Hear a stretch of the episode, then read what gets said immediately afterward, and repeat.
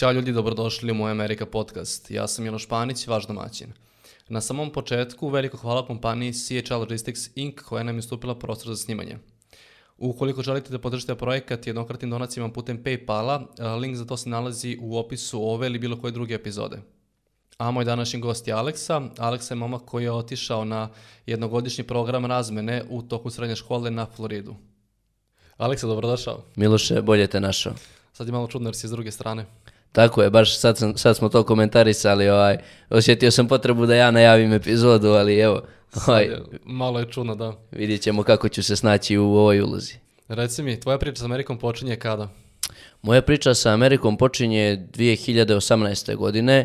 Ovaj, u avgustu odlazim u Ameriku. Tačnije, ovaj, počinje mnogo ranije. Bio sam u Americi sa nekih 5-6 godina jer ujak mi je ovaj, bio u ambasadi Crne Gore u Washingtonu i otišao sam još, još tada ovaj, prvi put u Washington DC ali dosta sam bio mali i nemam neka, neka velika sjećanja iz tog perioda, a ovako da kažemo prva konkretna priča počinje 2018. godine, odnosno treći razred srednje škole, kada odlazim na godinu dana na ovaj kao exchange, exchange student.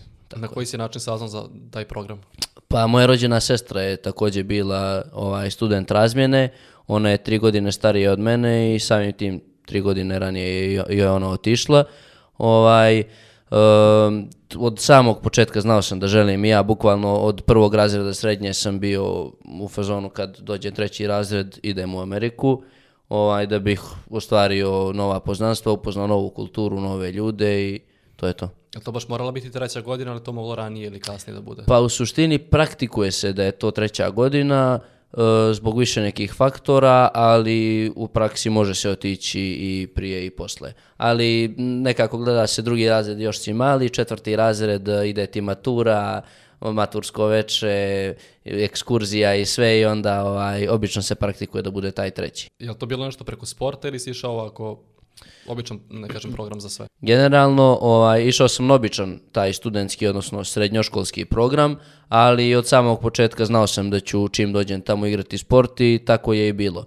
Ovaj, prvo sam se prijavio u košarkaški tim, to, to ide ovaj po sljedećem procesu, znači postoji taj, e, ta, ti tryouts, tako se, tako se to zove, nas je bilo oko 60 na, na tim pripremama i tim se sječe do 15, odnosno 12 ljudi, 12 uskih i 15 u širem timu kao za rezerve izmjeni slično. Ovaj, e, prošlo je neki period, e, tipa to je bilo nekih e, 20 dana nakon mog, nakon mog dolaska, već sam tada upoznao neke ljude, upoznao sam jednog momka koji je išao na, e, išao na tryouts također i on je bio u košarkaškom timu još od ranije i on me, to mi je bilo lakše zato što me on sproveo kako šta treba da, da radim i slično. E, nas je bilo 60 na toj prvoj vježbi i posle svakog workouta oni su micali određeni broj ljudi. Išlo je 60, pa 40, pa e, 30, 20, 15. Na primjer, posle tek nekih 4-5 treninga se zapravo znalo ko ostaje u timu, ko ne ostaje. Ovaj, kako se trening, kako su se treni, treninzi odmicali, ovaj, ja sam, jel tako, imao sve veće i veće šanse da budem u timu i na kraju sam i uspio da uđem u tih top 15. Ovaj, tu, je, tu je to finalni taj, da se kaže, ruster. Ovaj, I kreću treninzi. Kreće priprema za sezonu, kreću treninzi. Znači u timu je bilo, u timu su bili sve afroamerikanci i ja, čak i trener, obojica su bili afroamericans i e, čudno je to, ljudi me često pitaju za taj kao rasizam, da li su ljudi stvarno rasisti prema, prema ovaj, afroamerikancima u Americi i slično. E, zapravo ja sam doživio potpuno suprotnu situaciju, kad su oni bili u većini, ja sam taj koji je trpio rasizam, što je, što je čudno i neobično. Ovaj, ali zapravo, zapravo stvarno je tako. Nikom, apsolutno nikome nije nazvao imenom tih mjesec dana dok je sve to trajalo. Zvali su me White, oni koji me nisu voljeli, oni koji jesu zvali su me Wiga kao White Beep. I uh, stvarno specifična je, specifična je bila situacija i krajnje zanimljiva. Tu sam također se družio sa par njih i osjetio sam tu kulturu, ovaj, uh, afroameričku kulturu koja je potpuno drugačija od, od drugih kultura koje također tamo postoje. Pričat ćemo, pričat ćemo još o tome. Uh, generalno šta bih još rekao za, za, vezano za tu košarku. Posle nekog vremena napustio sam tim upravo zbog tog, zbog tog velikog e, rasizma koji sam, koji sam trpio i nije više moglo tako jednostavno i završila se tu moja priča sa košarkom u Americi. Gde su trajali ti trajavci? To je bilo baš tamo u Americi, ali tako? Da, da, to je sve tamo, znači dođe se u tu školu, moja škola zvala se Palmetto High School, to je inače na Floridi, to nismo uopšte rekli, išao na Floridu Tampa Bay, uh, grad Palmetto, uh, mali, mali gradić pored uh, nekih 30 minuta od Tampe, na primjer.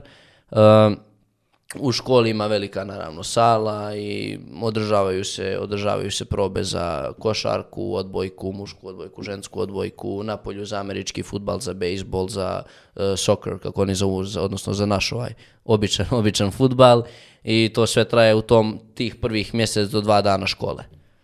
I onda se određuje i do kraja godine ide taj tim koji je izabran. Ti si tamo išao kao maloletnik, tako? Pa si mora biti nekoj host family, tako? Tako, ja sam tamo išao sa 17 godina, a u Americi sam, e, sam navršio 18, odnosno napunio sam 18 godina baš u Americi. E, to je, zna, znači da, u Americi sam napunio 18 godina, otišao sam sa 17, bio sam u host porodici, Uh, ja sam imao, da kažem, sreću što je moja sestra bila također tamo i onda sam ja išao u tu porodicu u kojoj ona bila. Doduše, ona je bila u Pensilvaniji jer su oni tada tamo živjeli, a onda su se penzionisali i kao veliki broj Amerikanaca kad odu u penziju, presele se na Floridu.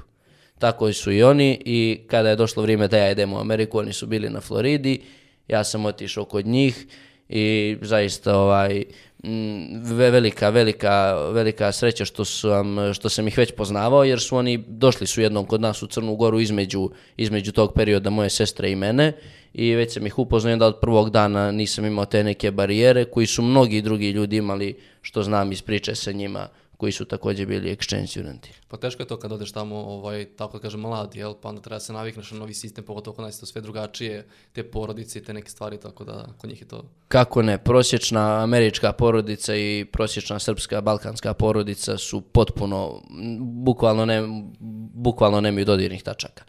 To je, znači, drugačiji su sistemi vrijednosti, drugačije su običaji, drugačije su prakse svakodnevne, raspored u kući, sve, bukvalno sve je drugačije.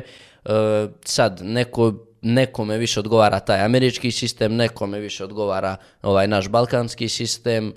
Generalno, ja mislim da jedna i druga stvar, na kraju koji sve u životu imaju i prednosti i mane. Tako da neki miks između to dvoje, da kažem, bi bio možda i najbolji. Tamo ti baš bilo lepo sa njima, tako? Jeste, jeste stvarno, ovaj, to je jedna, jedna ovaj, vrlo, vrlo onako, da kažemo, klasična američka porodica. Otac je bio vatrogasac prije nego što je otišao u penziju, majka je bila profesorica u srednjoj školi, to je nastavnica, ako se tako kaže pravilnije. Uh, I onako imali su, imaju dvoje, dvoje djece, uh, i Brian, evo, pozdrav za njih ako, ako gledaju ako razumiju uopšte šta govorim. Uh, oni su, Samantha je, dan, ona se, čerka davno se ocelila, nije, ne živi više sa njima, u kući smo živjeli, uh, znači, otac, majka, sin njihov, odnosno moj host, uh, host brother i, i ja. Tako da, ja imao sam svoju sobu, svoje kupatilo, vrlo onako jednu stvarno finu, finu kuću i nisam, stvarno nemam, nemam uopšte žalbi vezano za taj dio host porodice i slično. Koji ste bili prvi utisci Floride? Pa Florida onako, Uh, kad me neko pita Florida, na, na primjer da opišem u jednoj riječi, ja bih rekao vlažna. Zato što stvarno je tako, jeste da je toplo i u decembru, i u januaru, i u novembru se kupa, kupa se i u januaru, i u februaru, i znači uvijek je toplo, ja tamo nisam uopšte nosio jaknu, kasnije sam se pokajao kad sam pošao u New York pa sam se smrzao, ali ja uopšte nisam ponio jaknu tamo i stvarno na Floridi mi nije trebala ni malo, ni jedan put zato što sve vrijeme je toplo. Kad je kiša toplo je, kad je tornado toplo je, znači uvijek je toplo. Ali veoma je, veoma je vlažan vazduh, to humid je ovaj, veoma, veoma visok i o, kad se ide ujutro u školu, bukvalno onako skvasi, skvasiš se i ti, i ranac, i odjeća, baš je onako, nije, nije, nije, nije neki lijep osjećaj, pogotovo tako rano, rano ujutru i kasno uveče. Ovaj, to, je, to je bio, da kažem, neki onako prvi utisak, naravno sve je apsolutno ravno, ne vidiš ni najmanje brdašce nik, nik, nigdje oko sebe, močvarno je, sve su, sve su močvare, ovaj, čak i oko moje kuće, bukvalno u dvorištu kuće je taj bio jedan veliki taj pond koji je u sebi inače imao i aligatore i patke i ribe i sve. Susreo sam se sa ne znam koliko aligatora dok sam bio tamo i stvarno je tako, jer svuda su. Pogotovo te, te, te dijelove, e, živio sam u kao uh, gated community čitava Amerika, sve te kuće, pogotovo vamo gdje sam ja bio, to je sve ono oko autoputa, grade se te, grade se te kompleksi kuća koji su sve, sve, inače sve slične kuće. Ti kad hoćeš da izgradiš tamo kuću, ne možeš da radiš ono što ti želiš, već dobiješ tri tipa kuće, četiri vrste boja, tri vrste krova i biraš između toga. I onda sve kuće su bukvalno 90% imaju poklapanja. Nema, ne možeš ti sad da se izdvajaš, sve su neka brown boja ili svjetlo bež ili tamno bež i slično, ne možeš ti sad da podigneš rozu kuću, na primjer. Što, je, što je također jedna zanimljiva činjenica i to je sve, gleda se da svaka ta kuća ima iza sebe tako neku, neku močvaricu, da imaju zajedničku, neku tipa na deset kuća imaju jednu tu močvaru, kao što je, što je zajednička, tu onako može da se peca, ima i riba, može, kaže se, desi se i, aligator. Ono, i onako, opet se. kao, znaš. Da. Deset kuća na jednog aligatora. tačno, tačno, to. Reci mi za školu, situacija u školi. Koja je to bila škola? Re, ve- već si pomenuo ime, ali rekao, Da. pomenut ćemo opet. Tačno, to je Palmetto, znači moja škola se zvala Palmetto High School, inače širom Floride je poznata kao Palmghetto High School, ovaj, što je, što je ovaj, jedna, jedna zanimljiva činjenica iz razloga što škola je bila onako, znači public, državna škola, nije, znači nije bila privatna, Uh, u nju su išli, vrlo zanimljiv sklop ljudi je išao u tu školu, oko 30% su bili Afro-Americans, oko 30% su bili Mexicans i 30% su bili uh, white people, odnosno bijeli ljudi da kažem i 10% neka, neka druga kombinacija. I generalno zanimljiv je taj, taj susret kultura koji se, koji se tu dešavao svakodnevno i generalno držali su se zajedno onako, da kažeš u prosjeku druže se bijelci sa bijelcima, crnci sa crncima, meksikanci sa meksikancima. I to je to. I, I to je to. U, ima naravno društava koji su kombinovani, ja sam se družio i sa ovim i sa onim i sa svima pomalo, ali da kažeš u prosjek neki je tako, je takav da se druže, da se druže ljudi po svojim, po svojim ovaj rasama. E, no imam, imam jednu situaciju, na primjer prvi dan škole koja je, koja je zanimljiva. Uh, kasnije, sam, kasnije sam na čas koji je bio, šta je bio, prvi čas mi je bio mathematics, matematika, da, i morao sam nešto odem do škole, do, do direktora, do uprave škole, zato što ono prvi dan pa da me tamo zavedu, sve, sve, sve, da mi daju neku ID i slično. I uh, kasnije, sam, kasnije sam na čas i onako 7.30 uh, zvoni zvono i kreće da se na onom spikeru velikom školskom kreće nešto se čuje, ja trčim bukvalno na čas i par ljudi mi kaže kao, hej, kao, what are you doing, kao, šta, ja sam bio kao, šta, kao, šta, se, šta se dešava, ovaj, oni su i kao, kao, pledge of allegiance, ja prvi dan pojma nemam, ni šta je, ni šta je pledge of allegiance, ni ništa, rekao, ljudi kasnije im na čas, rekao, št, kakav pledge of allegiance sad, kad oni ja vidim, okrenem se svi oko mene, vidim stoje, neko ruku na srce, neko samo stoji mirno, ja sad rekao, šta je ovo, rekao, ne znam. I ja prvi dan škole vratim se, vratim se kući i ja pitam moje host roditelje, rekao, prvi dan, rekao, šta, kako, kako je bilo, oni me pitaju, ja kažem, sve super, ali rekao, bilo je nešto, pominjali su mi neki kao pledge allegiance, kao, i oni kažu, jao, kao kako da ne, pa jesi stao? Ja rekao, nisam znao da treba da stanem. Kažu, da, to ti je svako jutro. To e, 47 š- e, država, states am- američkih ima, ima ovaj zakon da državne škole svako jutro moraju moraju odslušati tu Pledge of Allegiance. E, Tako oni rade vjerojatno na tom patriotizmu upravo e, i generalno rade na tome jako i to je, to je jedan, jedan od faktora također. Znači, svako jutro 7.30 ide Pledge of Allegiance. Uh, I pledge allegiance to the flag of the United States of America and to the republic for which it stands, one nation under God, indivisible and with justice for all. Neš, nešto tako, mislim da sam ubo vrlo vjerojatno sve, ali eto i zapamtio sam je kad godinu dana nešto slušaš non stop, bukvalno i, i uđe, ti, uđe ti u mozak. Ja, koliko si puta sam odslušao, Da, ne, svako jutro se. svako jutro pola osam, ruku na srce i Da, ovaj, generalno uh, mora da se, mora, čovjek mora da se ustane, ruka na srce kako ko ne mora, neko traži, neko ne, to je zavisi čak i od profesora. E, Moja profesorica matematike razumjela je da, da sam ja stranac, da nisam odatle i onda nije mi uopšte, nije zahtijevala od mene samo naravno poštovanje u vidu tog ustajanja i- ili nekog samozmirovanja da ne radim ništa za to vrijeme, ali nije mi tražila ja da to pjevam, pjevam pričam, recitujem šta god ili da držim ruku na srce, na primjer, da. Reci mi, kakav je njihov školski sistem dole bio na Floridi?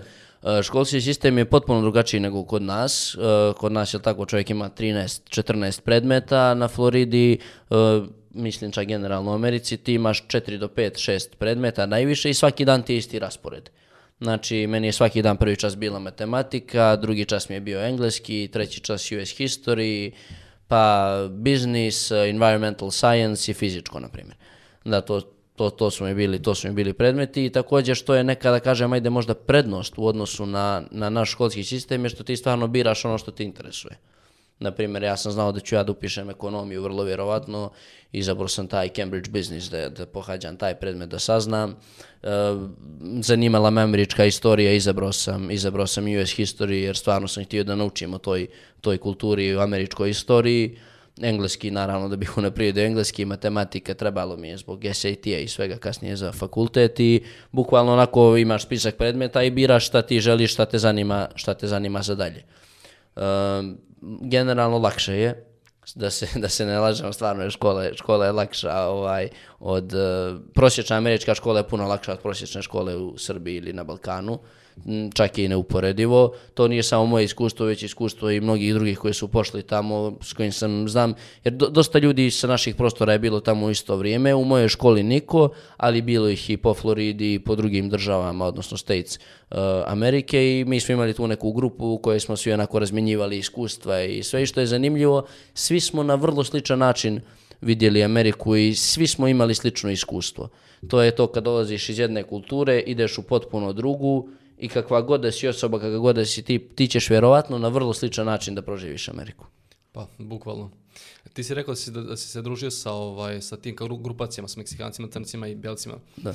Ovaj, kakvi su, koje su razlike među njima tamo? Da, ovako, ja kad sam, kad sam došao, kad sam vidio kakva je situacija i u školi i sve, ja sam bio u fazonu, ovdje sam godinu dana, znam, posle toga vraćam se nazad na isto, ajde da, ajde da uzmem, ono, take most of it, znači da uzmem najviše od toga, da, da vidim, hoću da iskusim što više, da, da prođem kroz što više toga, da vidim što više kultura, da osjetim, to jeste što više kultura i onda sam se družio sa raznim nekim grupama. Ovaj, bio sam, uh, družio sam se sa crncima, družio sam se sa tim nekim Meksikancima, družio sam se sa rednekovima i naravno najviše sam se družio sa običnim ovim kao white guys, nor- normal white guy, kao average American white guy. E, to, ta, ta grupacija, oni su mi nekako najviše, ovaj, ti drugovi najviše su mi iskreno i odgovarali, najbliži su normalno bili meni i tu je bilo, to je bilo onako, na primjer, Tain, moj najbolji drug iz Amerike, on je, ima grčko porijeklo, e, Martin, na primjer, jedan, on ima argentinsko porijeklo, normalno, svako od njih ima, ima neko, neko porijeklo, ali ovaj, niko nije izvorni, izvorni Amerikanac. I e, zanimljive su te, te razlike i mnogo su, mnogo su velike, velike razlike u kulturi. E, sad, kako bih to, kroz šta bih to značio, naravno, kroz muziku koju slušaju, e, kroz odjeću koju nose, kroz kako se ponašaju, kroz to gdje se kreću, kako izlaze, kakvi su u školi, ponašanje, odnos prema profesorima čak i sve. Na primjer, e, prosječni američki redneck e, nosi ono alligator boots do koljena, nosi neku košulju onako kariranu, nosi, kako se zove to, šešir onaj kapu i naravno glasa, glasa za Trumpa i sluša, sluša ovaj country muziku iz svog eh, pick-up eh, traka. to je to, onako je to prosječan red, neki stvarno je bilo tako. Ovaj, em, ta ekipa, ta ekipa Afro-Americans sa kojima sam se družio u školi, eh, oni su generalno također bili dobri momci, baš su mi, oni su mi na primjer baš također odgovarali. To, su, to su onako malo da kažeš urbanije, urbanije ponašanje, urbanije e, također odjevni stil, neke da kažemo nose se Air Forcice, Nike nekih šljaštećih boja, nosi se onaj durag, nosi se, ona ima frizure cornrows ili dreadlocks i sluša se naravno rap muzika. Generalno odgovaralo mi je malo to, to društvo jer to je bilo onako kao što, što smo mi gledali na filmovima kao djeca i baš sam htio to ušao sam u to društvo i kao ono, sjećao sam se kao da sam u filmu. Bilo je, na primjer, vrlo često, da se vrati malo na tryouts za košarku, posle svakog treninga i prije svakog treninga su bile onako rap battles. I bukvalno ono, vučemo se svi, čekamo trenera i ide se ko će koga da disuje. I onda se uzvraća i svi onako, wow, ko ne, svi, svi skaču, urliču ako je neki dobar disi. To je, to je na primjer, sjajno, sjajna jedna, jedna ovaj, jedna stvar kod, kod, te njihove, kod te njihove kulture koja mi je stvarno bila onako živim u filmu kao u moment, Kao da. kao, što kaže, kad si mali bio gledao, pa si gledao kao te filmove, sad na kraju kao živiš taj film Tačno. u tom. Kakvi su Meksikanci, to si bio s njima? Pa sa njima iskreno najslabije, neću da ispanem rasista ili bilo šta, ali uh, oni su mi najmanje nekako odgovarali iskreno. Na nekom, mm, jednostavno nisam se pronašao u toj njihovoj, u toj njihovoj kulturi, uh, naravno hrana ubjedljivo najbolja od svih, to ću da kažem, to sigurno. Znači, pogotovo na Floridi, to je, Florida je puna Meksikanaca, što je logično, jer blizu su, e, puna i veliki, veliki broj restorana tih, tih e, meksičkih restorana koji su svi onako family owned. Ne, kad kažem meksičkih restorana ne mislim na Taco Bell, nego mislim na mali porodični restoran koji, koji je u vlasništvu jedne porodice i gdje radi, gdje otac kuva, gdje je majka konobarica, gdje sin pere suđe i slično. I ti su stvar, to su stvarno bili restorani sa, sa najboljom hranom, sa najboljom hranom tamo, onako puno nekih soseva, uh, puno ukusa raznovrsnih, od slatkog, kiselog, ljutog, stvarno kuhinja izvanredna i po meni broj jedan kuhinja je ta meksička kuhinja Meksička. na Floridi definitivno. Ali ovako na nekom ličnom nivou i to jednostavno nisam se pronašao, nisam se pronašao da se, da se toliko družim sa njima. Uh, jedino kad sam se kad sam se družio sa njima je bilo malo to kad sam uh, i također bio sam i na uh, soccer tryouts, zanimljivo. Čisto to nisam uopšte imao plan da igram soccer, ali eto ovaj Tejn, moj najbolji drug je igrao to i bio je ono posle škole, on me vozio kući često posle škole i bilo ajde on ostani na ovaj tryouts pa onda idemo kući.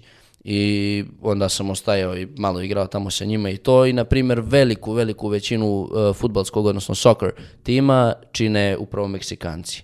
Veliku većinu košarkaškog tima čine crnci i veliku, veliku većinu bejsbol tima čine bijelci. Što je zanimljivo i to da su se oni po sportovima također vrlo, vrlo poređali i, i odvojili. Neobično je, na primjer, vidjeti ono, afroamerikanca na futbalu ili e, neobično je vidjeti bijelca na košarci koji sam bio ja u tom slučaju. Ali eto, bio sam European ili kako su me oni zvali Russian guy jer sve im je isto, tako da je to bili, bilo je drugačije. Više recimo to za, za te podjele sportima uopšte nisam znao. No. Kontam da su crnici malo jači pa su ono ovaj, za rugby i to te za taj američki futbal, ali opet ono, Pa američki futbal je, na primjer, e, američki futbal je zapravo jedini koji je stvarno diverse. Stvarno ih je bilo i dosta je bilo i bijelaca i crnaca i meksikanaca, ne toliko, ali ovaj, ove dvije kulture, stvarno dvije da kažem rase su baš bile onako e, promiješane kroz, kroz taj futbal tim, ali to je iz razloga što njih u timu ima bukvalno preko 50, ja mislim. To, to su ogromni timovi, ima veliki broj izmjena, imaš uh, varsity tim, glavni tim, imaš e, drugi tim, treći tim, baš ih ima onako puno, puno i onda i to je, to je jedan razlog od toga. I također jedno, jedno sjajno iskustvo kad smo već kod američkog futbala su te high school games. Kad se, znači te, te ovaj, srednjoškolske utakmice, stvarno jaka je, jaka je taj, taj običaj odlaženja, odlaženja i praćenja e, timskog sporta, pogotovo američkog futbala, to je definitivno broj jedan. E, mnogo ljudi, bukvalno školski stadion čitav bude pun, nije to sad veliko, ali ima sigurno, ne znam, par hiljada mjesta, dvije do tri hiljade mjesta ima sigurno i baš bude pun. Onako roditelji, rođaci svih igrača, onda čitava škola dođe, tu se navija, navija se, viče se, pjeva se, dođe se onako sa bubnjevima, pa ima Red Knight, svi su crvenom obučeni, jer Palmetto nama je ta škola, generalno bili smo kao Palmetto Tigers i bila je ta crvena boja kao neka karakteristična boja za školu i onda onako dođe se obučeno u crveno, sluša se muzika, igra se, onako, onim te ofarbaju, te onim ovuda sve, pjeva se posle toga, ako se dobije, ide se na neku house party, kućnu žurku, tamo se, tamo se na stadionu pije pivo, ne mi, zato što nismo imali 21 godinu, ali ono, roditelji imaju onako draft beer, imaš hot dogove, baš, baš onako američka, američka priča. Stvarno, također još jedna situacija kad je, kad je čovjek ono kao u prosječnom high school musical, da kažem, na, na primjer. Pa da, mislim, ono, cijela ta američka, američka kultura, ono, filmu, zapravo živiš posle taj, da kažem, američki san. Da. Meni su recimo interesant, interesantne te njihove ovaj, manifestacije, što kažeš to za školu, za te utakmice, to nekako ti ono, kad se skupi ono uh, cheerlead, Cheerleaders, da. E, da, to. Team, da. kad se skupe tamo, pa ono prosto naprave ti ono cijelu atmosferu da imaš. Znači, Da. to mi je baš onako interesantna priča. Jeste, jeste, jeste, ima i to, cheerleading team je stvarno isto ovaj, jedna, jedna velika, veliki, veliki faktor tamo u školi i to je privilegija ti ako si djevojka koja je u cheerleading team, ti si ono cheerleader, to je to je neka da kažeš privilegija, to je veliki plus kod momaka tamo, ovaj, kad, si, kad si ta navijačica da kažem.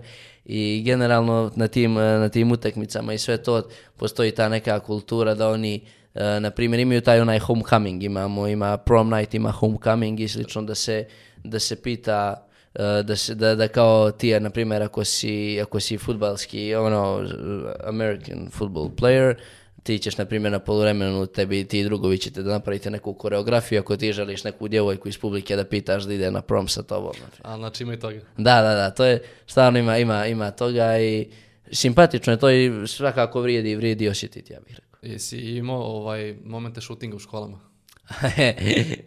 Jedna situacija, dosta ljudi, me, dosta ljudi me pita za to i ima razloga da pita stvarno jer vrlo, vrlo, se, često, vrlo se često dešava u Americi. E, zanimljiva, zanimljiva stvar, ovaj, jedna anegdota vezano za to, svakog drugog četvrtka nismo imali shooting, ali svakog drugog četvrtka u našoj školi imali smo e, shooting drills takozvane znači vježbe, vježbe u slučaju pucnjeve, odnosno šta da radimo i kako da se ponašamo u slučaju da pucnjeva se zapravo dogodi. E, to, je, to izgledalo ovaj, ovako.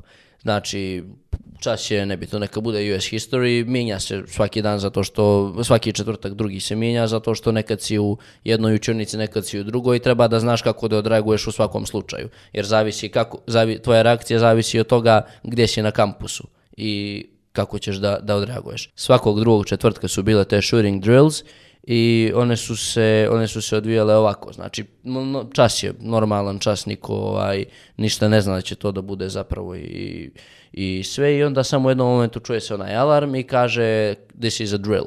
Znači kaže da znamo da nije isprave, kaže this is a drill i alarm.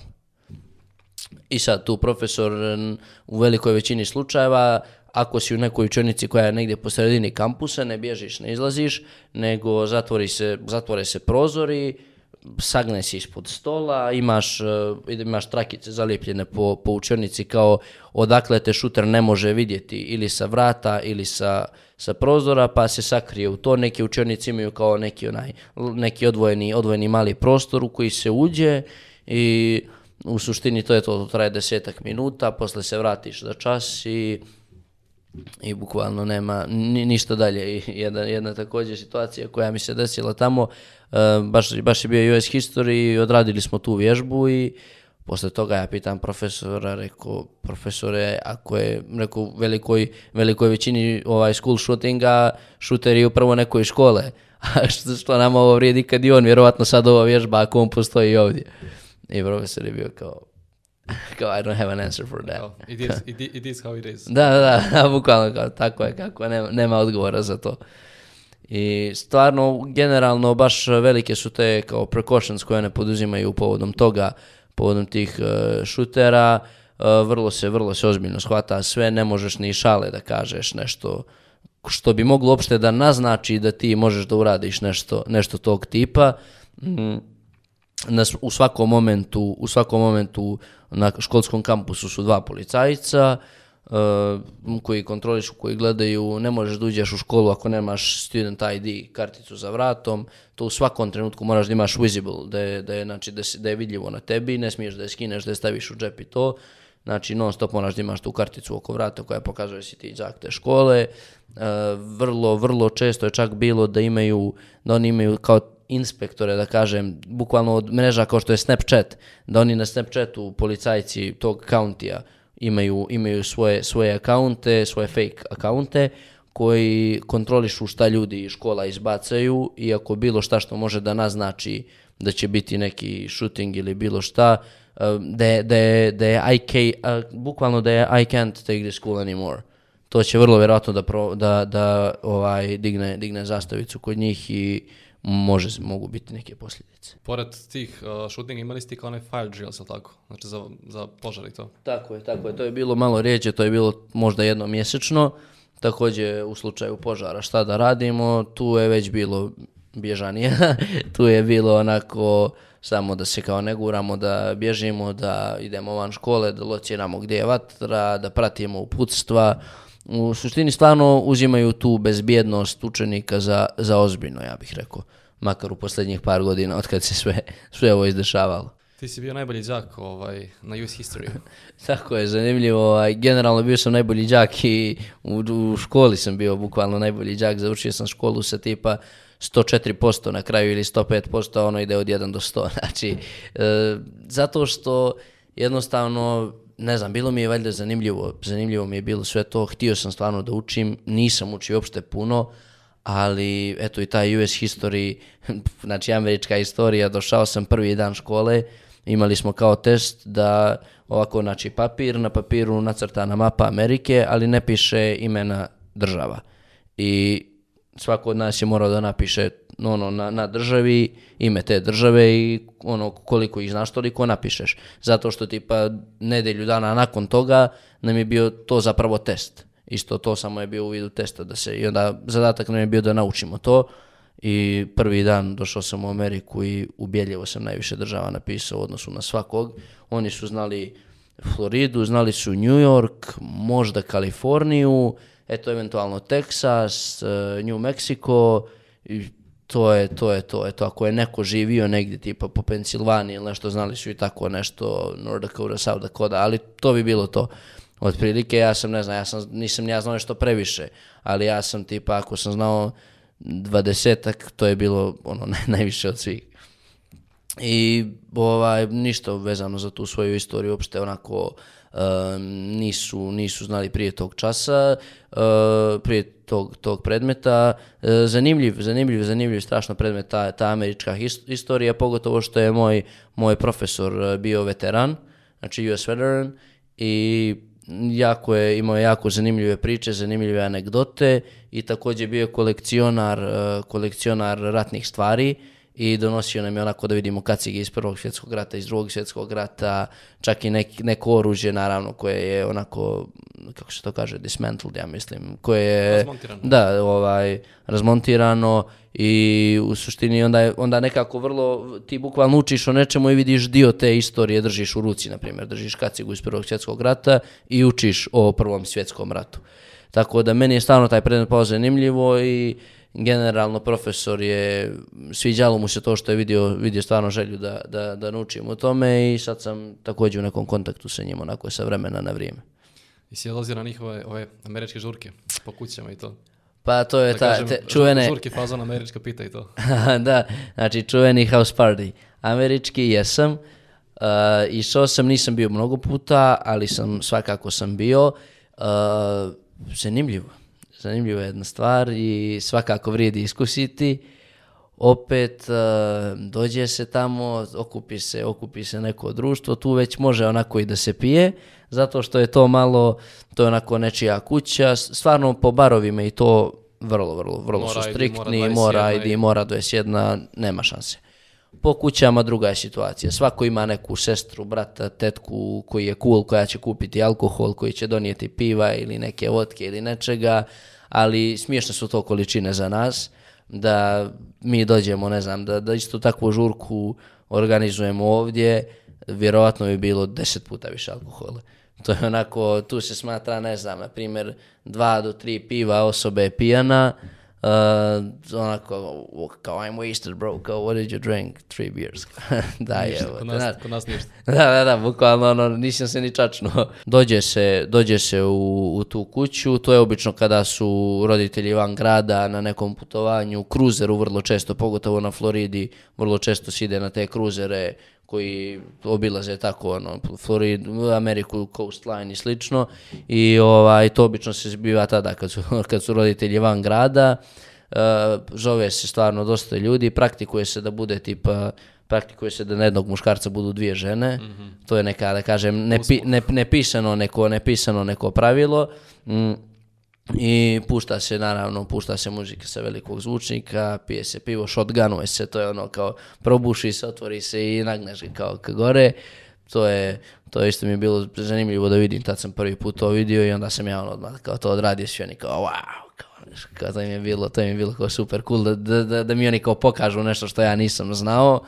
I e, ta žestoka pića ne piju se puno, znači najviše se piju ta pivo, na primjer Smirnoff Ice se pije dosta i te neke, te neke takve stvari. E, ja, ja kad sam popio tu noć, nisam uopšte puno ja nešto količinski pio, ali njima je bilo nevjerovatno ta količina i sjutra lju- ja dođem u školu i ljudi koji nisu bili na žurci su kao bili kao, wow, kao, here's the guy, Pročulo kao, se, da, da. da, kao, here's the Russian guy, kao, crazy guy, kao, znaš, kao, aj, ja došao kući najnormalnije, stvarno nisam bio iskreno, ono, uopšte toliko, toliko, toliko, ovaj, pijan, generalno ne praktikujem vrlo, vrlo, vrlo rijetko kad pijem alkohol. Šta obično piju tamo od piva? Bud Light?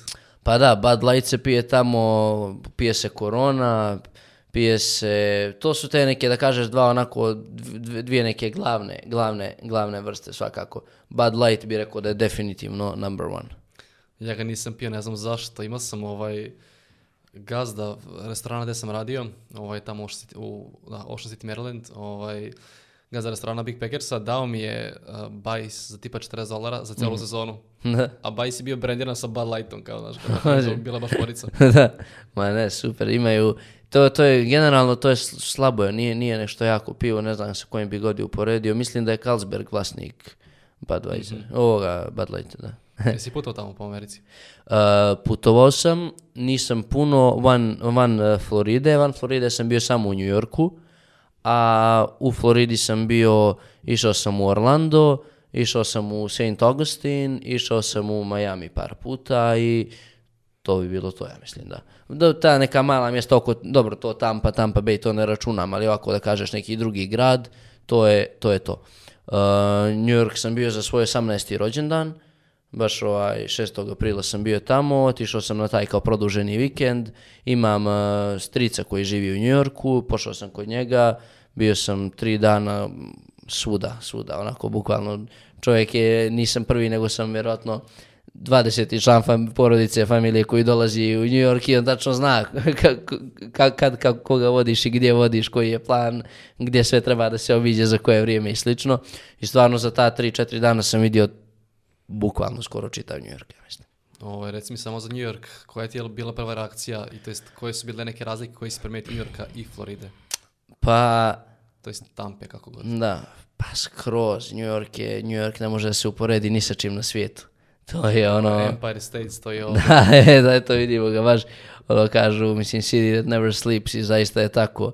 Stvarno je, stvarno je nešto, nešto neopisivo, pogotovo kad si neko poput mene koji, koji čita život teži ka tom nekom Wall Streetu, gleda takve filmove, od, ne znam, od serija Suits, na primjer, advokatske kancelarije do filma Wall Street i, i, i stvarno pođeš tamo, pođeš na, na, na, na tu ulicu, vidiš onako ljude oko tebe trče s onim briefcase-ima, prirazgovaraju, sell, buy, stvarno onako baš, baš samo onako da staneš tu i upijaš, upijaš taj trenutak jer stvarno je nešto, nešto, ne stvarno mogu da kažem slobodno. Šta ti je pored Wall Streeta još bilo interesantno za New York? Pa, za New York sam je bilo interesantno, pa ne, neću da pričam te neke stvari tipa Empire State Building i na, na um, ovaj Square... Si bio gore skroz? Jesam, jesam, bio sam skroz, evo bio sam baš tu. Ovaj, tu sam bio. Uh, to je, nije čak ni jeftino da se čovjek popne, ja mislim, slagaću vjerovatno, ali čini mi se da je oko čak do 100 dolara možda da ide neka tura da se, da se to popne to, do ti gore. ideš sam, to je platiš kartu pa ideš gore sam. Da, da, da, da. Platiš, ja, ja sam išao sa, sa stricem to i ovaj, još, sjećam se, imaš tu gore kad se popneš ono kao da slikaju te u valet još tu 20-30 dolara i na svakom koraku. To je pogotovo dolje na ulicama New Yorka kroz te prometne ulice. Te tourist traps su mnogo, mnogo. Svuda Onako, da, dođu te slikaju te ovamo, onamo, e sad daj 30 dolara, daj 50 dolara, daj ovo, daj ono.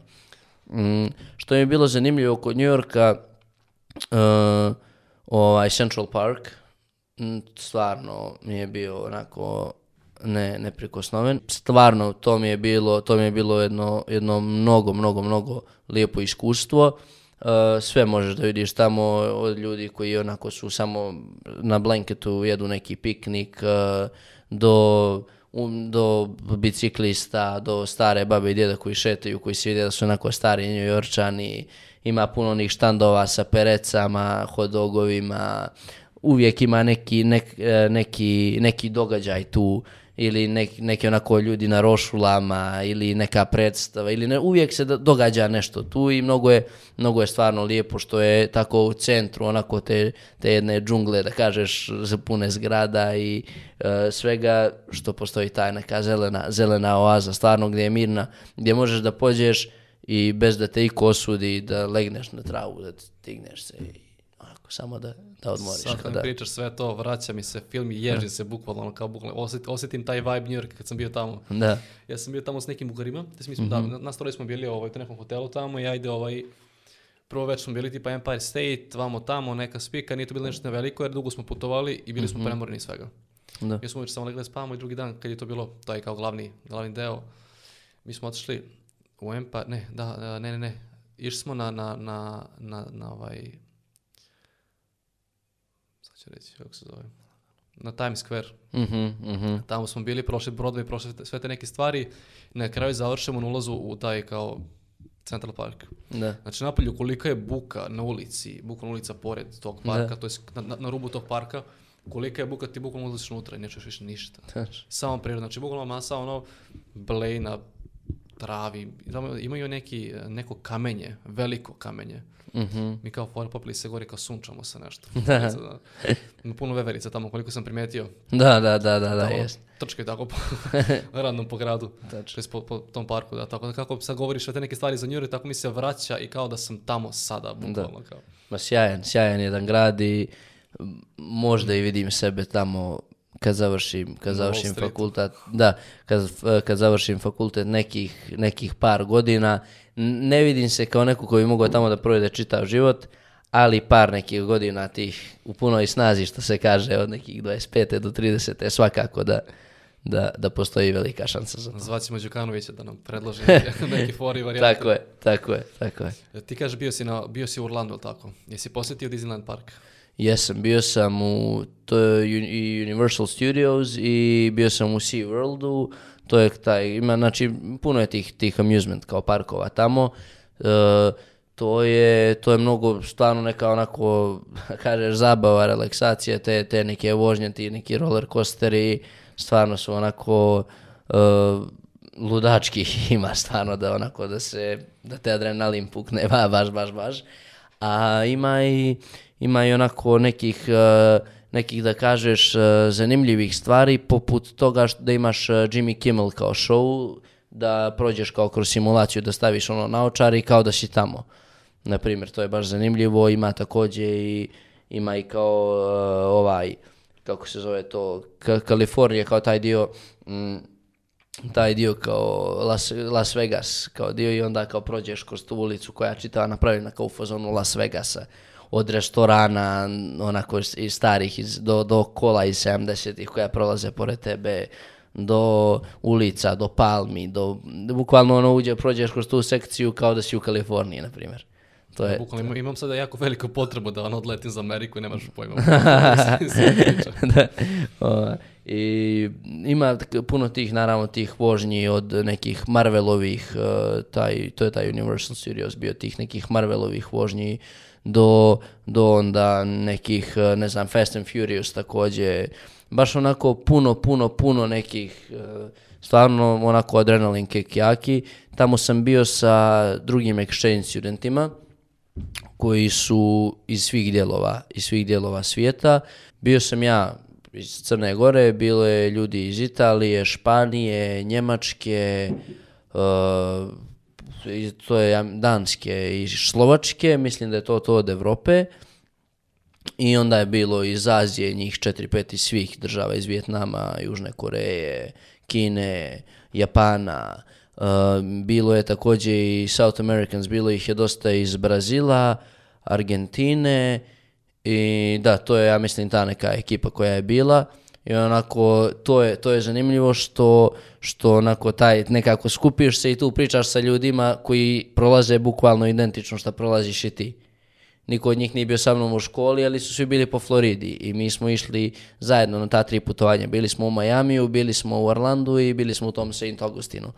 I onako bukvalno jedva čekaš da odeš na to putovanje da se vidiš s njima, da zajedno pričate to što kroz šta prolazite i te stvari koje, koje zajedno, zajedno nekako proživljavate, iako niste fizički jedno pored drugog. Da. da, dijele se iskustva i jedna, jedna zanimljiva stvar je što e, iskustva smo doživjeli isto mi iz Europe, na primjer, naše iskustva su bila vrlo slična, iskustva, odnosno da kažem bolje viđenje. Viđenje Amerike, viđenje američke škole, viđenje situacija koje se dešavaju je bilo vrlo slično među, među evropljanima, svi su je vidjeli da kažeš na isti način, među ljudima iz Azije i među ljudima iz Južne Amerike. Svi su nekako, tako se djelovalo po kulturama, znači nebitno jesam iz Evropljani iz Njemačke ili iz Italije, iz Crne Gore, isto su ga vidjeli. Nebitno da li je iz Argentine ili iz Brazila, isto su doživjeli Ameriku, ta, isto tako iz Aziju. Znači, vrlo zavisi iz koje kulture dolaziš, to kako ćeš da doživiš Ameriku. Da, i sad prema što pređemo na, na glavnu foru sa Majamijem, Mhm. da, da pomenemo samo da je taj uh, St. Augustin si rekao, Mhm. da je bio neki naj, najokićeniji grad za, za Tako Božić, je. tako? To da, Saint Augustin je, ja mislim, e, ne u Americi sigurno, možda čak i na svijetu jedan od naj, najokićenijih gradova. E, I to je stvarno bajno, onako uđe se svaka zgrada, svako drvo, svaka kanta za smeće, sve u gradu, sve u gradu je okićeno i onako idu, onako im e, prolazi taj voz, taj neki kao vozić kroz grad e, u kojem se non stop pjevaju kao ono Christmas songs i ovako kao da si u nekoj bajci da kažem. Bukvalno da. I, a opet čudno je zato što ne možeš da dobiješ, bar ja nisam mogao kao neko ko nije iz Floride, sa Floride, taj osjećaj da je zapravo Christmas. To je za vrijeme, za vrijeme Božića se naravno dešava i da je zapravo New Year i pjeva se New Year, pjeva se Christmas bells, Jingle bells, sve se to pjeva i, i priča, ali ti si u kratkim rukavima i u šorcu. Da, malo je neobično, ti sam Da. kao na sneg, kontaš kod nas, ono hladno, Da. vreme, sneg, sve onako, ali vamo si. Da, meni je, meni je na asocijacija, ja evo sad da mi neko kaže pomisli na Božić, pomisli na Novu godinu, zatvori oči, ja ću da vidim Jelku, ja ću da vidim Sneška Belića, vidjet ću pahuljice kako padaju u pozadini, a neću da vidim palm tree i da vidim more i da mogu da se kupam i da sam u kratkim rukavima. Da, skroz, skroz neobično. Da, da, potpuno onako, nisam, nisam uopšte, nisam imao taj osjećaj pri početku da je zapravo došla nova godina, da su došli božićni praznici. I ovaj, tu u St. Augustinu mi se desila zanimljiva jedna situacija. Mm, šetali smo onako ja i ta ekipa tom, tom glavnom ulicom uh, tog gradića i kroz neku priču sa njima nešto i odjednom kao da sam čuo naš jezik. Ja rekao, ma nije, rekao 100% nema šanse, a to, je, to se dešava u decembru, došao sam u avgustu, znači nisam čuo naš koliko. I ja rekao, ma nemoguće, rekao, ja se okrenem i čujem stvarno još jednom, onako ovako kako sam se okrenuo, čujem još jednom neko dijete su dozivali, kao ajde dođi kao ovamo ili nešto. I meni je to tako bilo nestvarno, ja sam bukvalno zakupao se u mjestu, bio sam u šoku nekako, kako odjednom se čuje posle toliko vremena. I bukvalno sam krenuo da idem nazad do tih ljudi, samo da se, da se upoznam, jako pojma nemam ni ko su ljudi i ništa, samo da bih progovorio malo naš, naš jezik posle toliko vremena. I međutim, izgubili su se u masi, mnogo je turista u tom periodu tamo i nisam ih, nisam ih uhvatio, da. Ne, ali, ali svakako čuo sam i bukvalno nisam mogao, nisam mogao da vjerujem. Šok. Sad da pređemo na glavnu priču sa Majamijem. Ovaj, Miami je lounge bar, ne, to Majamiju. Jeste. Onaj Rakija lounge bar. Da. Da, Miami, Rakija Lounge Bar, kao i svako sa Balkana ko pođe u Ameriku, ko pođe u Miami, a živi u Americi ide, ide tamo. Ovaj, bukvalno sa kim god sam pričao, sa kim god sam dijelio iskustva, ko pođe u Miami ide tamo, zato što to je mjesto gdje mm, i vlasnik je naš čovjek i rade sve naši ljudi i kuhinja je naša. Tako da imaš onako sve, ja sam tamo došao, to je bio februar, februar mjesec kad sam ja bio u Majamiju, mislim da je da, bio februar i došao sam tamo također sa ovim društvom i kao pričali smo ono što ćemo, gdje ćemo na ručak i to, ja rekao, ma, rekao idemo sigurno ovamo, nemate drugu opciju. I mi tamo i ono, ne znam, uzeli se ćevapi, kajmak, eh, paprika, ne znam, prilozi, sve, sve, sve. I stvarno dobro, dobro onako hrana, pogotovo posle toliko vremena kad to iskusiš bude ti ono nevjerovatna. I ti ljudi naši, konobari su naši, bukvalno ti dođu, dođu ti ono, se izvolite. Jer očekuje, ovaj, Očekuje očekuje se da. Doduše ja sam bio stvarno sa i, i Azijatima i crncima i baš nas je bilo puno tako i onda su vidjeli ono, naš nisu bili sigurni na hello, ja rekao kao ono, kao, do you speak, kao Serbian? Kao da, ja rekao to, kao, onda bukvalno si bio sam- da bio sam, bio sam presrećan i naručio sam tu hranu uh, i ostavio sam bukvalno svu ekipu sa kojom sam bio, samo sam pošao unutra, kod tamo, kod tog šanka ili šta god. I onako, ja mislim da sam smorio te ljude, evo, ako slučajno vide, izvinjavam se, ali ja sam, ono, samo sam pričao sa kim god konobarima, sa šankerima, sa svim, jer samo sam htio da pričam, pričam, pričam, pričam, jer bilo mi je nevjerovatno, nevjerovatan osjećaj, nerealno mi je bilo da zapravo pričam taj naš, ovaj, sa, sa nekim. Koje su to kulture koje si pokupio tokom života u Americi? Pa tokom života u Americi kulture koje sam pokupio. Pa e, svakako već sam pričao o, o tome da sam iskusio od svake kulture pomalo i rekao bih da sam od svake te kulture zadržao i da kažem odnio sa sobom nešto. Na primjer, uh, ajde da kažem vezano za, za ručavanje, odnosno večeru tamo u Americi, um, svaki dan se praktikovala večera u isto vrijeme, odnosno lunch, dinner, kako, šta god bilo je u šest uveče. E, prije toga izjutra jede se ko što ne jede se zajedno šta ugrabiš prije škole, šta posle škole, malo posle treninga, prije treninga, uveče za večeru isto tako, ali jedan obrok dnevno u 6 sati popodne je bio obavezan za sve članove porodice, svaki dan se svi sjednemo za stolom i za sto i ručamo i komentarišemo, pričamo o dan, kakav nam je bio, pričamo o politici, nekoj utakmici koje je bile i slično.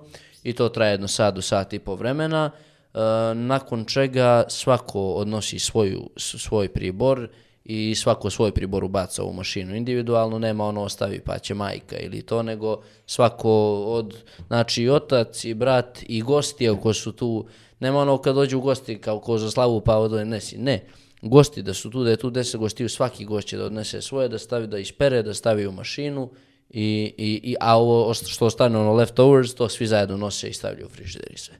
Što ja bih rekao, jedna sjajna stvar i koja stvarno mogu da kažem da mi je ostala zasađena od tada i generalno sad i ovdje kući kad, kad idem što god prije Amerike stvarno nisam imao tu naviku nego ostavim ono pa i ostane po par sati pa se stvrdne ili majka pomjeri ili neko i nebitno a sad stvarno imam tu naviku odmah posle ručka cap cap sve se ispere sve u mašinu i mnogo je tako i lakše i mnogo manje vremena proiziskuje tako da To sa gostima deluje mi kao da baš nije ovaj, domaćinski, da ti gosti kao beru super. Ha, da, tako, tako je u Americi jednostavno uvijek uh, bukvalno to je to je nešto to je nešto što ja mislim da oni uopšte ne razmatraju kao nešto uopšte čemu treba razmišljati. Njima je to jednostavno usađeno, rođeno, urođeno tako bukvalno u kulturu, u sve i oni tako rade. Njima kao što je normalno da jedeš i da staviš hranu u usta, tako im je normalno posle toga da to, da to staviš ovaj, u, u sudomašinu ili da opereš ili šta god. To je, to je, to je neka zanimljiva stvar. Uh, Također, kad sam već kod hrane i to da malo onda pričamo, da malo pričamo o tome, ta njihove, e, te njihove prodavnice tipa Walmarta, na Floridi postoji prodavnica koja se zove Publix, e, ona je generalno u tim južnim, južnim državama, nema je puno na sjeveru, ali to je, da kažeš, nije, nije Walmart, nego više kao supermarket, ali ogroman supermarket. I isto tu ima onako svašta da se, da se, da se uzima, da se bira i što je najveća prednost kod tih američkih supermarketa je što bih, ja, što bih rekao, ono kad, kad gledaš na internetu, na primjer, uputstva za hranu, za neko, za neko jelo da spremiš i sve, ti sve možeš naći u američkom supermarketu, a kod nas moraš da eksperimentišeš, pa nema ovo, pa nema ono i sve. U Americi stvarno ono sve ima, sve možda nađeš, eh, da li ti treba nešto da je smrvljeno ili da je nešto pokriveno čokoladom ili da je nešto u sosu od ne znam čega, sve imaš. Onako mnogo je razdomašna ta kuhinja i, i ima ono od, od, od svega pomalo, ima strašno nekih stvarno zanimljivih stvari, ali oko svega, znači čitave ne samo i kuhinje, već i slatkiša i grickalica i svega, kao što sam prije rekao, Meksikanci number one, definitivno.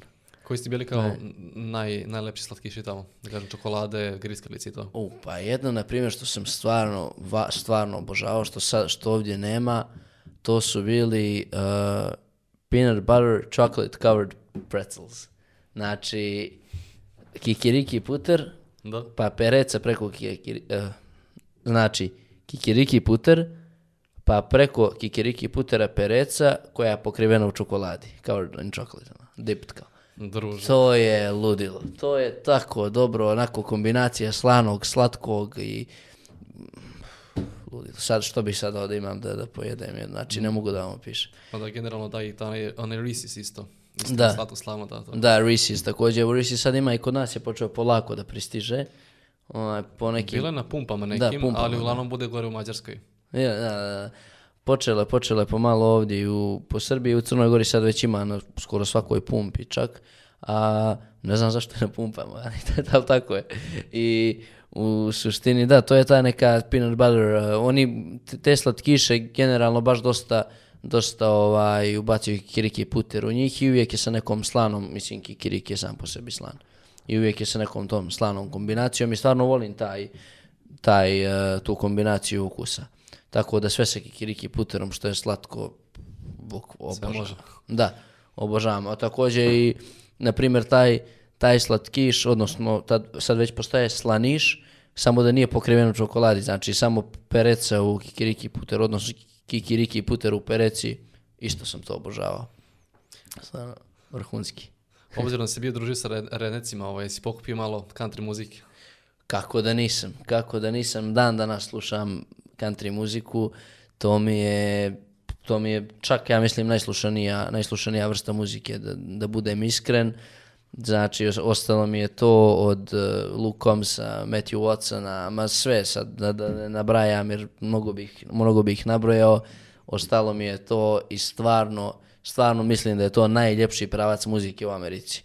Prije odlaska za Ameriku, ja sam znao ono za Drakea, Weekenda, Post Malona, kao to mi je bilo ono neki da kažeš gas, a sad eh, nakon Amerike country music. Alan Jackson i znači, ostali. Da, da, da, da, ma ne, sve od country muzike volim i stvarno mi je ostalo. Generalno mislim da je muzika sa najviše emocije, definitivno. Muzik, a- američka muzika sa najviše emocije, definitivno. Najčistije nekako, najviše ima toga kao tog američkog, da kažemo tako, Da. naši porodici i života i svega toga. Da, često se pominje Bog, često se pominje porodica, ljubav. e, ima tu i ono auta, ali ne pominju se auto Ferrari, nego se pominje auto stari Ford truck. Da, na primjer, da. Ima onako baš neka, ima, ima jedno, ne- neš- nešto lijepo u sebi, ima definitivno i to mi je ostalo, to mi je ostalo dan danas slušam. Mnogo, mnogo, mnogo lijepe, lijepe pjesme, lijepa muzika i onako veže, veže me za neke lijepe stvari, mogu da kažem. Recimo kod mene situacija je bila, ja sam bio 19, dve- da, 2019 u Americi i taj restoran gdje sam radio bio onako gazda je bio ono tu i tamo country, ali ono imao je neki jukebox. Mhm. I ja sam tada radio u kuhinji i znaš kako sam par puta čuo Blake Sheltona, God's Country, znaš tu pesmu. Da, da, da. I ono gledam, ta pesma, tako mi radi, a ne znam koja je pesma. Mhm. I nađem Shazam i pustim i kao nađem tu pesmu i nakon toga otkrivam bukvalno ono i Tracy Atkinsa i još, što kažem, Luke. Combs i ostali. Jednog po jednog, da. Ne, Sam, to samo, znači kad kreneš otkrivaš ide samo po sebi svaka nekako je drugačije, samo po sebi do, dosta ono, da kažem, znaš kako je bolja, kako je vozi, ali uglavnom većina vozi i većina Da. vozi na tu neku emociju, tu nekog američkog, američkog života, znaš. tačno. Jeste, tako je i ja za to dugujem zahvalnost moj jednom drugu Tyleru Kuzmi koji mi je bio komšija, tačnije nismo išli zajedno u školu, starije momak završio fakultet i sve i imali smo taj, eh, taj bazen jedan u, toj, u tom communityu i često smo ono, ono išli, odemo u teretanu pa odemo, odemo na taj bazen i onda smo pričali, pričali to o muzici i sve i on mi ono pokazao to, pokazao to prvi put i stvarno tada sam baš onako za, za country. Dan danas mi on šeruje s vremena na vrijeme playliste ove nove, zato što nisam u, u vrijeme s korakom kako nisam tamo, ali da, to je, to je, to je zanimljivo. Znači, country muzika je bila, bila otkrovenje. Otkrovenje, apsolutno, i ostalo je do dan danas aktuelno. Kaži mi za restorane i za tipping kulturu. Kako ti vidiš to, taj obavezan bakšiš 20%, 30%, da možeš Da. dati. Hrana to je- jeste tehnički jeftinija, ali opet ono, znaš, Pa, znaš kako, to, mislim, obavezno, kad kažeš obavezno, to nije zakonom utvrđeno. To je još jedna od onih stvari što smo pričali malo prije, kao za ovo kuhinju da skloniš svoje. Znači, to nije zakonom, tebi neće doći policija ili tebi neće izbaciti iz restorana ako ti ne tipuješ. Ali ako ne ostaviš tip, je ko da si, ono, ko da si pljunuo konobara, bukvalno. Jer to je, to je nekih, onako, da kažeš 15% se smatra nekim minimumom, E sad ti gledaš od zadovoljstva to 15, 20, 25, a kod nas kad vidiš to je da na, ne znam, račun od 100 eura ostaviš 20. Ne bih rekao da se to kod nas radi. Pa kako, koji, kako, gde. Da, generalno mnogo je, mnogo je, uh, oni rade, konobari rade na minimum wage svi. Na minimum tipa oko- 2,5-3 dolara. da, ako ne čak, ako ne čak ispod, znači minimum wage rade baš, znači baš, baš, baš za sitno i njima je 80% njeg- njihovog inkama dolazi iz, uh, iz uh, bakšiša. I, ali to se, to je jednostavno nešto što je, što je tamo urođeno. Meni je bilo neobično pri početku. Navikao sam se, naravno, i onda sam se teško odvikao kad sam se vratio. I ono, ljudi me čudno gledaju u restorane konobar, ne znam, na računu od 50 eura, ja mu stavim 10, on šokira. na primjer, ali nekako, brzo, brzo se čovjek adaptira situaciji generalno mi smo takva vrsta, adaptiramo se, adaptiramo se od kad, od kad postojimo, tako da, tako je u ovoj situaciji. Mi Balkancija. da, da. Mislim na populaciju, A, ali, populaciju. ali mi pogotovo, da. Reci mi, a, pošto si živio na Floridi, recimo onaj CSI Miami kad su se vozili onim airboatovima, ali to tamo postoji zaista, je to toliko popularno, je popularno pecanje aligatora, ali aligatori smo rekli već da su tu sastavni dio alterne populacije koja živi tu, pošto Mhm. cijela Fl- Florida je močvarna. Tako je, pa e, svakako da jesu. To je kad sam bio, na primjer, u Majamiju, vozio sam se tim airboatom, bili su te kao ture koje su vozile kroz taj e, Everglades, znači to je to veliko stanište svega zmija, aligatora, kornjača, čega, ono, što možda zamisliš da je strašno od životinja, tu je, od tih morskih, da kažem, močvarnih. Uh, išli smo tako, i imali smo tu turu, jer to one jednostavno ne mogu da imaju motor, zato što bi se zaglavile, dolje su sve travke, milion nekih stvari. I onda one idu na, na, osno- na propeleri, propeleri ih, ih uh, ovaj, guraju, da kažem. I išao sam na tu neku turu gdje sam vidio, ne znam, neku zmiju ogromnu, ne sjećam se ni sama kolika je bila, aligatora koliko voliš, onako ogromnih, ogromnih, ogromnih komada, pa tu onda ovaj vozač ono da mu m, baci neku krišku, krišku nekog mesa, nešto on rastrgne je. I zanimljivo je bilo, često je, često je bilo vidjeti aligatora, na primjer, bez ruke e, i slično, zato što oni su generalno oni vrlo često aligatori imaju i okršaj između sebe, između njih samih i imaju tu praksu da, ja sam to i uživo jednom vidio kad, kad aligator ostaje bez ruke, kad ga uzme, znači ujedeš ga za ruku, ne puštaš mu ruku i ovaj koji je ujeo je napravi, napravi okret oko ruke, napravi čitav salto i bukvalno mu istrgne i ostane mu čitava ruka u, u ustima. I to, to na primjer, vrlo često rade, to sam baš vidio tamo kad sam bio, što je, što je onako zanimljivo. Baš je ovaj vodič rekao kao, wow, kao I haven't seen this kao in a long time, kao you're so lucky. I, I to i onda kasnije se dođe tamo ovaj, na taj dok, tu imaš da se ono slikaš sa aligatorom kome su e, usta začepljena nekom trakom, da te ne bi ujeo, imaš ono, uzmeš ga, slikaš se s njim. Da te I ne bi tako, da. pojeo, ne ujeo. da, da, da, da. Da te, da te ne bi pojeo, bukvalno. I to je taj bio put kad sam išao u Miami. Tu sam također, na primjer, što je, što je, što je jedna, jedna činjenica. Uh, prolazi se dosta onako ima, ima tih nekih kazina na ulazu u Miami i slično i baš sam pitao uh, host deda kao, kao why is this kao here i on mi je rekao, na primjer, tad sam to saznao, da uh, zapravo veliku većinu tih kazina drže indijanci, zato što oni imaju porezke olakšice, odnosno nemaju porez na to, na ta kazina. To je kao nešto što im je Amerika uradila za uzvrat, za teror koji su radili, da. Kao je, kao ajde, pobit ćemo milione vas, evo vi ne morate da plaćate porez na kazina. Sounds like a fair trade, znaš. Ali da, to je na primjer zanimljivo što mi je rekao, što mi je tada rekao host dad, što nisam uopšte znao, ni slutio prije toga. Recimo se taj airboat, ti nemaš ono strah da će to negdje da stane tako negdje random na tom na tom polju da, ono, da ti izjedu neke zmije. pa znaš kako, nemaš, to je, to je veliko, to je puno ljudi tu, to je uvježbano, to su te, te profesionalne ture, tu su. I da se zaustavi generalno, neće, neće nikad aligator da tebi skoči u, da te napadne i sam od sebe. Ti njega moraš da isprovociraš. Neće on, Neće on sam od sebe ili, skoči da, ako, te, ako se on, na primjer, napada malo, on zna djecu da napadne, djecu, pse, kućne ljubimce i sve. Na primjer, zanimljivo je ti ako se sagneš, onda on misli da si ti mali može da se sjete napadne. A ti sad ovako da se ispraviš da to vrlo, vrlo, vrlo rijetko, kad ako nije isprovociran će da se desi da aligator tebe napadne.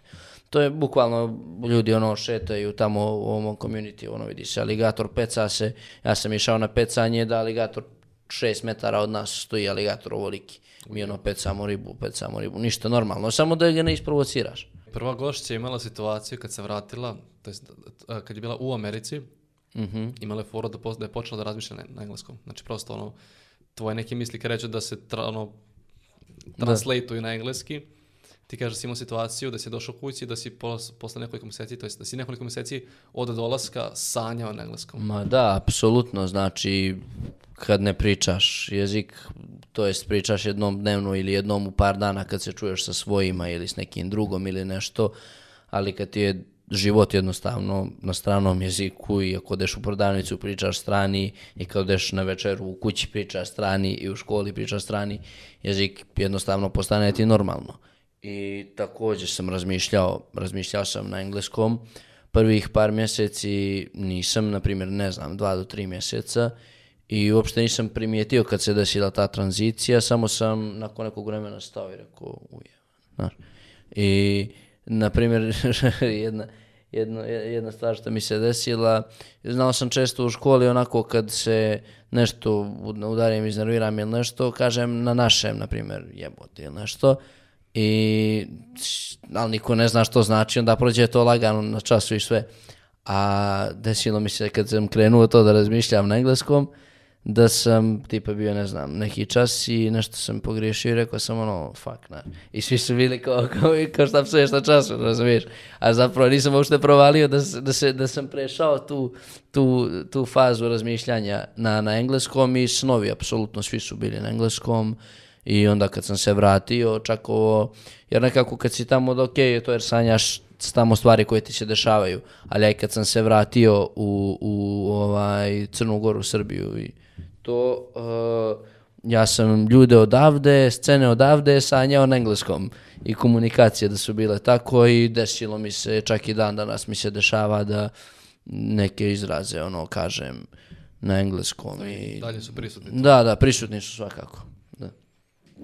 Jesi posjećivao one kao Serbian ferries? Da kažem. Pa, uh, St. Petersburg, grad koji mi je bio blizu, uh, St. Pete takozvani, on ima populaciju određenu uh, srpskog naroda i bio sam, bio sam tamo na tom jednom festivalu, to je, to je bilo, uh, ne znam, ne par mjeseci nakon što sam stigao, tu je bilo, tu je onako, igra se kolo, ima hor srpski, ima uh, palačinke, onako crips, odnosno one naše palačinke, naše neke priganice, krofne ćevapi, kobaje, puno nekih tako te stvari iz naše, iz naše kuhinje i e, generalno puno naših ljudi, kad kažem naših ljudi ne mislim samo ljudi iz Srbije, nego mislim ljudi odakle god su sa Balkana, nebitno je. Svi dođu i svi se vole. Generalno tamo nije bitno, nije bitno odakle si. Kad kažem naši ljudi, ne mislim ljudi iz Srbije.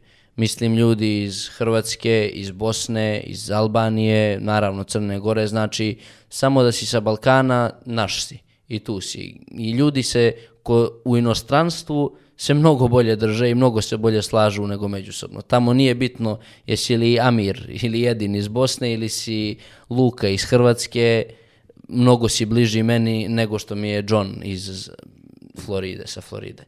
Znači, generalno, to je, to je, to, to je tako u inostranstvu. Pa da, naši ljudi se e, dosta bolje povezuju preko, to jest van matice nego u matici. To Apsolutno. inače ne- neki da kažemo, ne, ne- neću reći fenomen, ali opet na neki način jeste. Kako da ne? Ali opet, znaš kako tamo si forciran da budeš sam i kao treba ti naši, imaš tu potrebu da budeš sa našima. Da, A ovdje su naši svi pa kao, ajde kao, tačno, tačno, tačno. ništa toga. Kako ti se Amerika čini za šansu za uspehom? Pa svakako mislim da rad, rad na sebi, lični rad, e, učenje, taj čitav grind, hustle, da je mnogo, da ako imaš to u sebi i ako se stvarno trudiš, da mnogo više zavisi od tebe nego od druge osobe. I da uspjeh tvoj zavisi od tebe i da stvarno ako se trudiš da će, da će se rezultat desiti. Znači, to je, rekao bih da kod nas nije baš takva situacija, da mnogo zavisi od nekih drugih faktora i, i slično, a u Americi isključivo od tebe. Ako ti zacrtaš sebi uspjeh, ako ti to stvarno želiš, imaš, imaš šansu za to. Reci mi za kraj, a, savjeti za mlade srednjoškolce koji bi, koji bi želi da odu za Ameriku. Pa ovako, e, dosta stvarno ljudi, do- dosta me ljudi pita, pita vrlo često znajući da sam ja bio tamo, svako ima nekog mlađeg brata, kuma, sestru, nebitno koja želi ili koji želi da ode u Ameriku i mnogo često pričam, pričam sa ljudima i dajem, dajem te neke savjete i generalno kad se sve spoji moj, moj jedan savjet je najveći jedna riječ, pođi, jer da bude dobro iskustvo, da bude loše iskustvo, opet je iskustvo. I mislim da zapravo loše iskustvo ne postoji. Da je svako iskustvo dobro iskustvo i da treba poći, osjetiti i svakako naučiti. Jer vrijedi, vrijedi vratiti se sa raznim iskustvima, e, bogati za mnogo, mnogo više stvari. Ja evo sad, zbog tih exchange studenta koji su bili tamo, mogu da pođem u bilo koju državu Europe, većinu država u Aziji, država u Južnoj Americi, da znam da ću imati kome da se javim, kom- koga da pozovem, gdje da prespavam i slično. Također naravno i u Americi, sad evo baš na ovo, sad za, za, za praznike treba da mi dođu par drugova iz Amerike kod mene da ih ugostim i generalno stvarno iskustvo, iskustvo koje je definitivno vrijedno, kultura koju treba osjetiti i ideje koje se mogu izroditi iz života u Americi su veoma, veoma vrijedne. Pogotovo tvoja ideja sa kartama.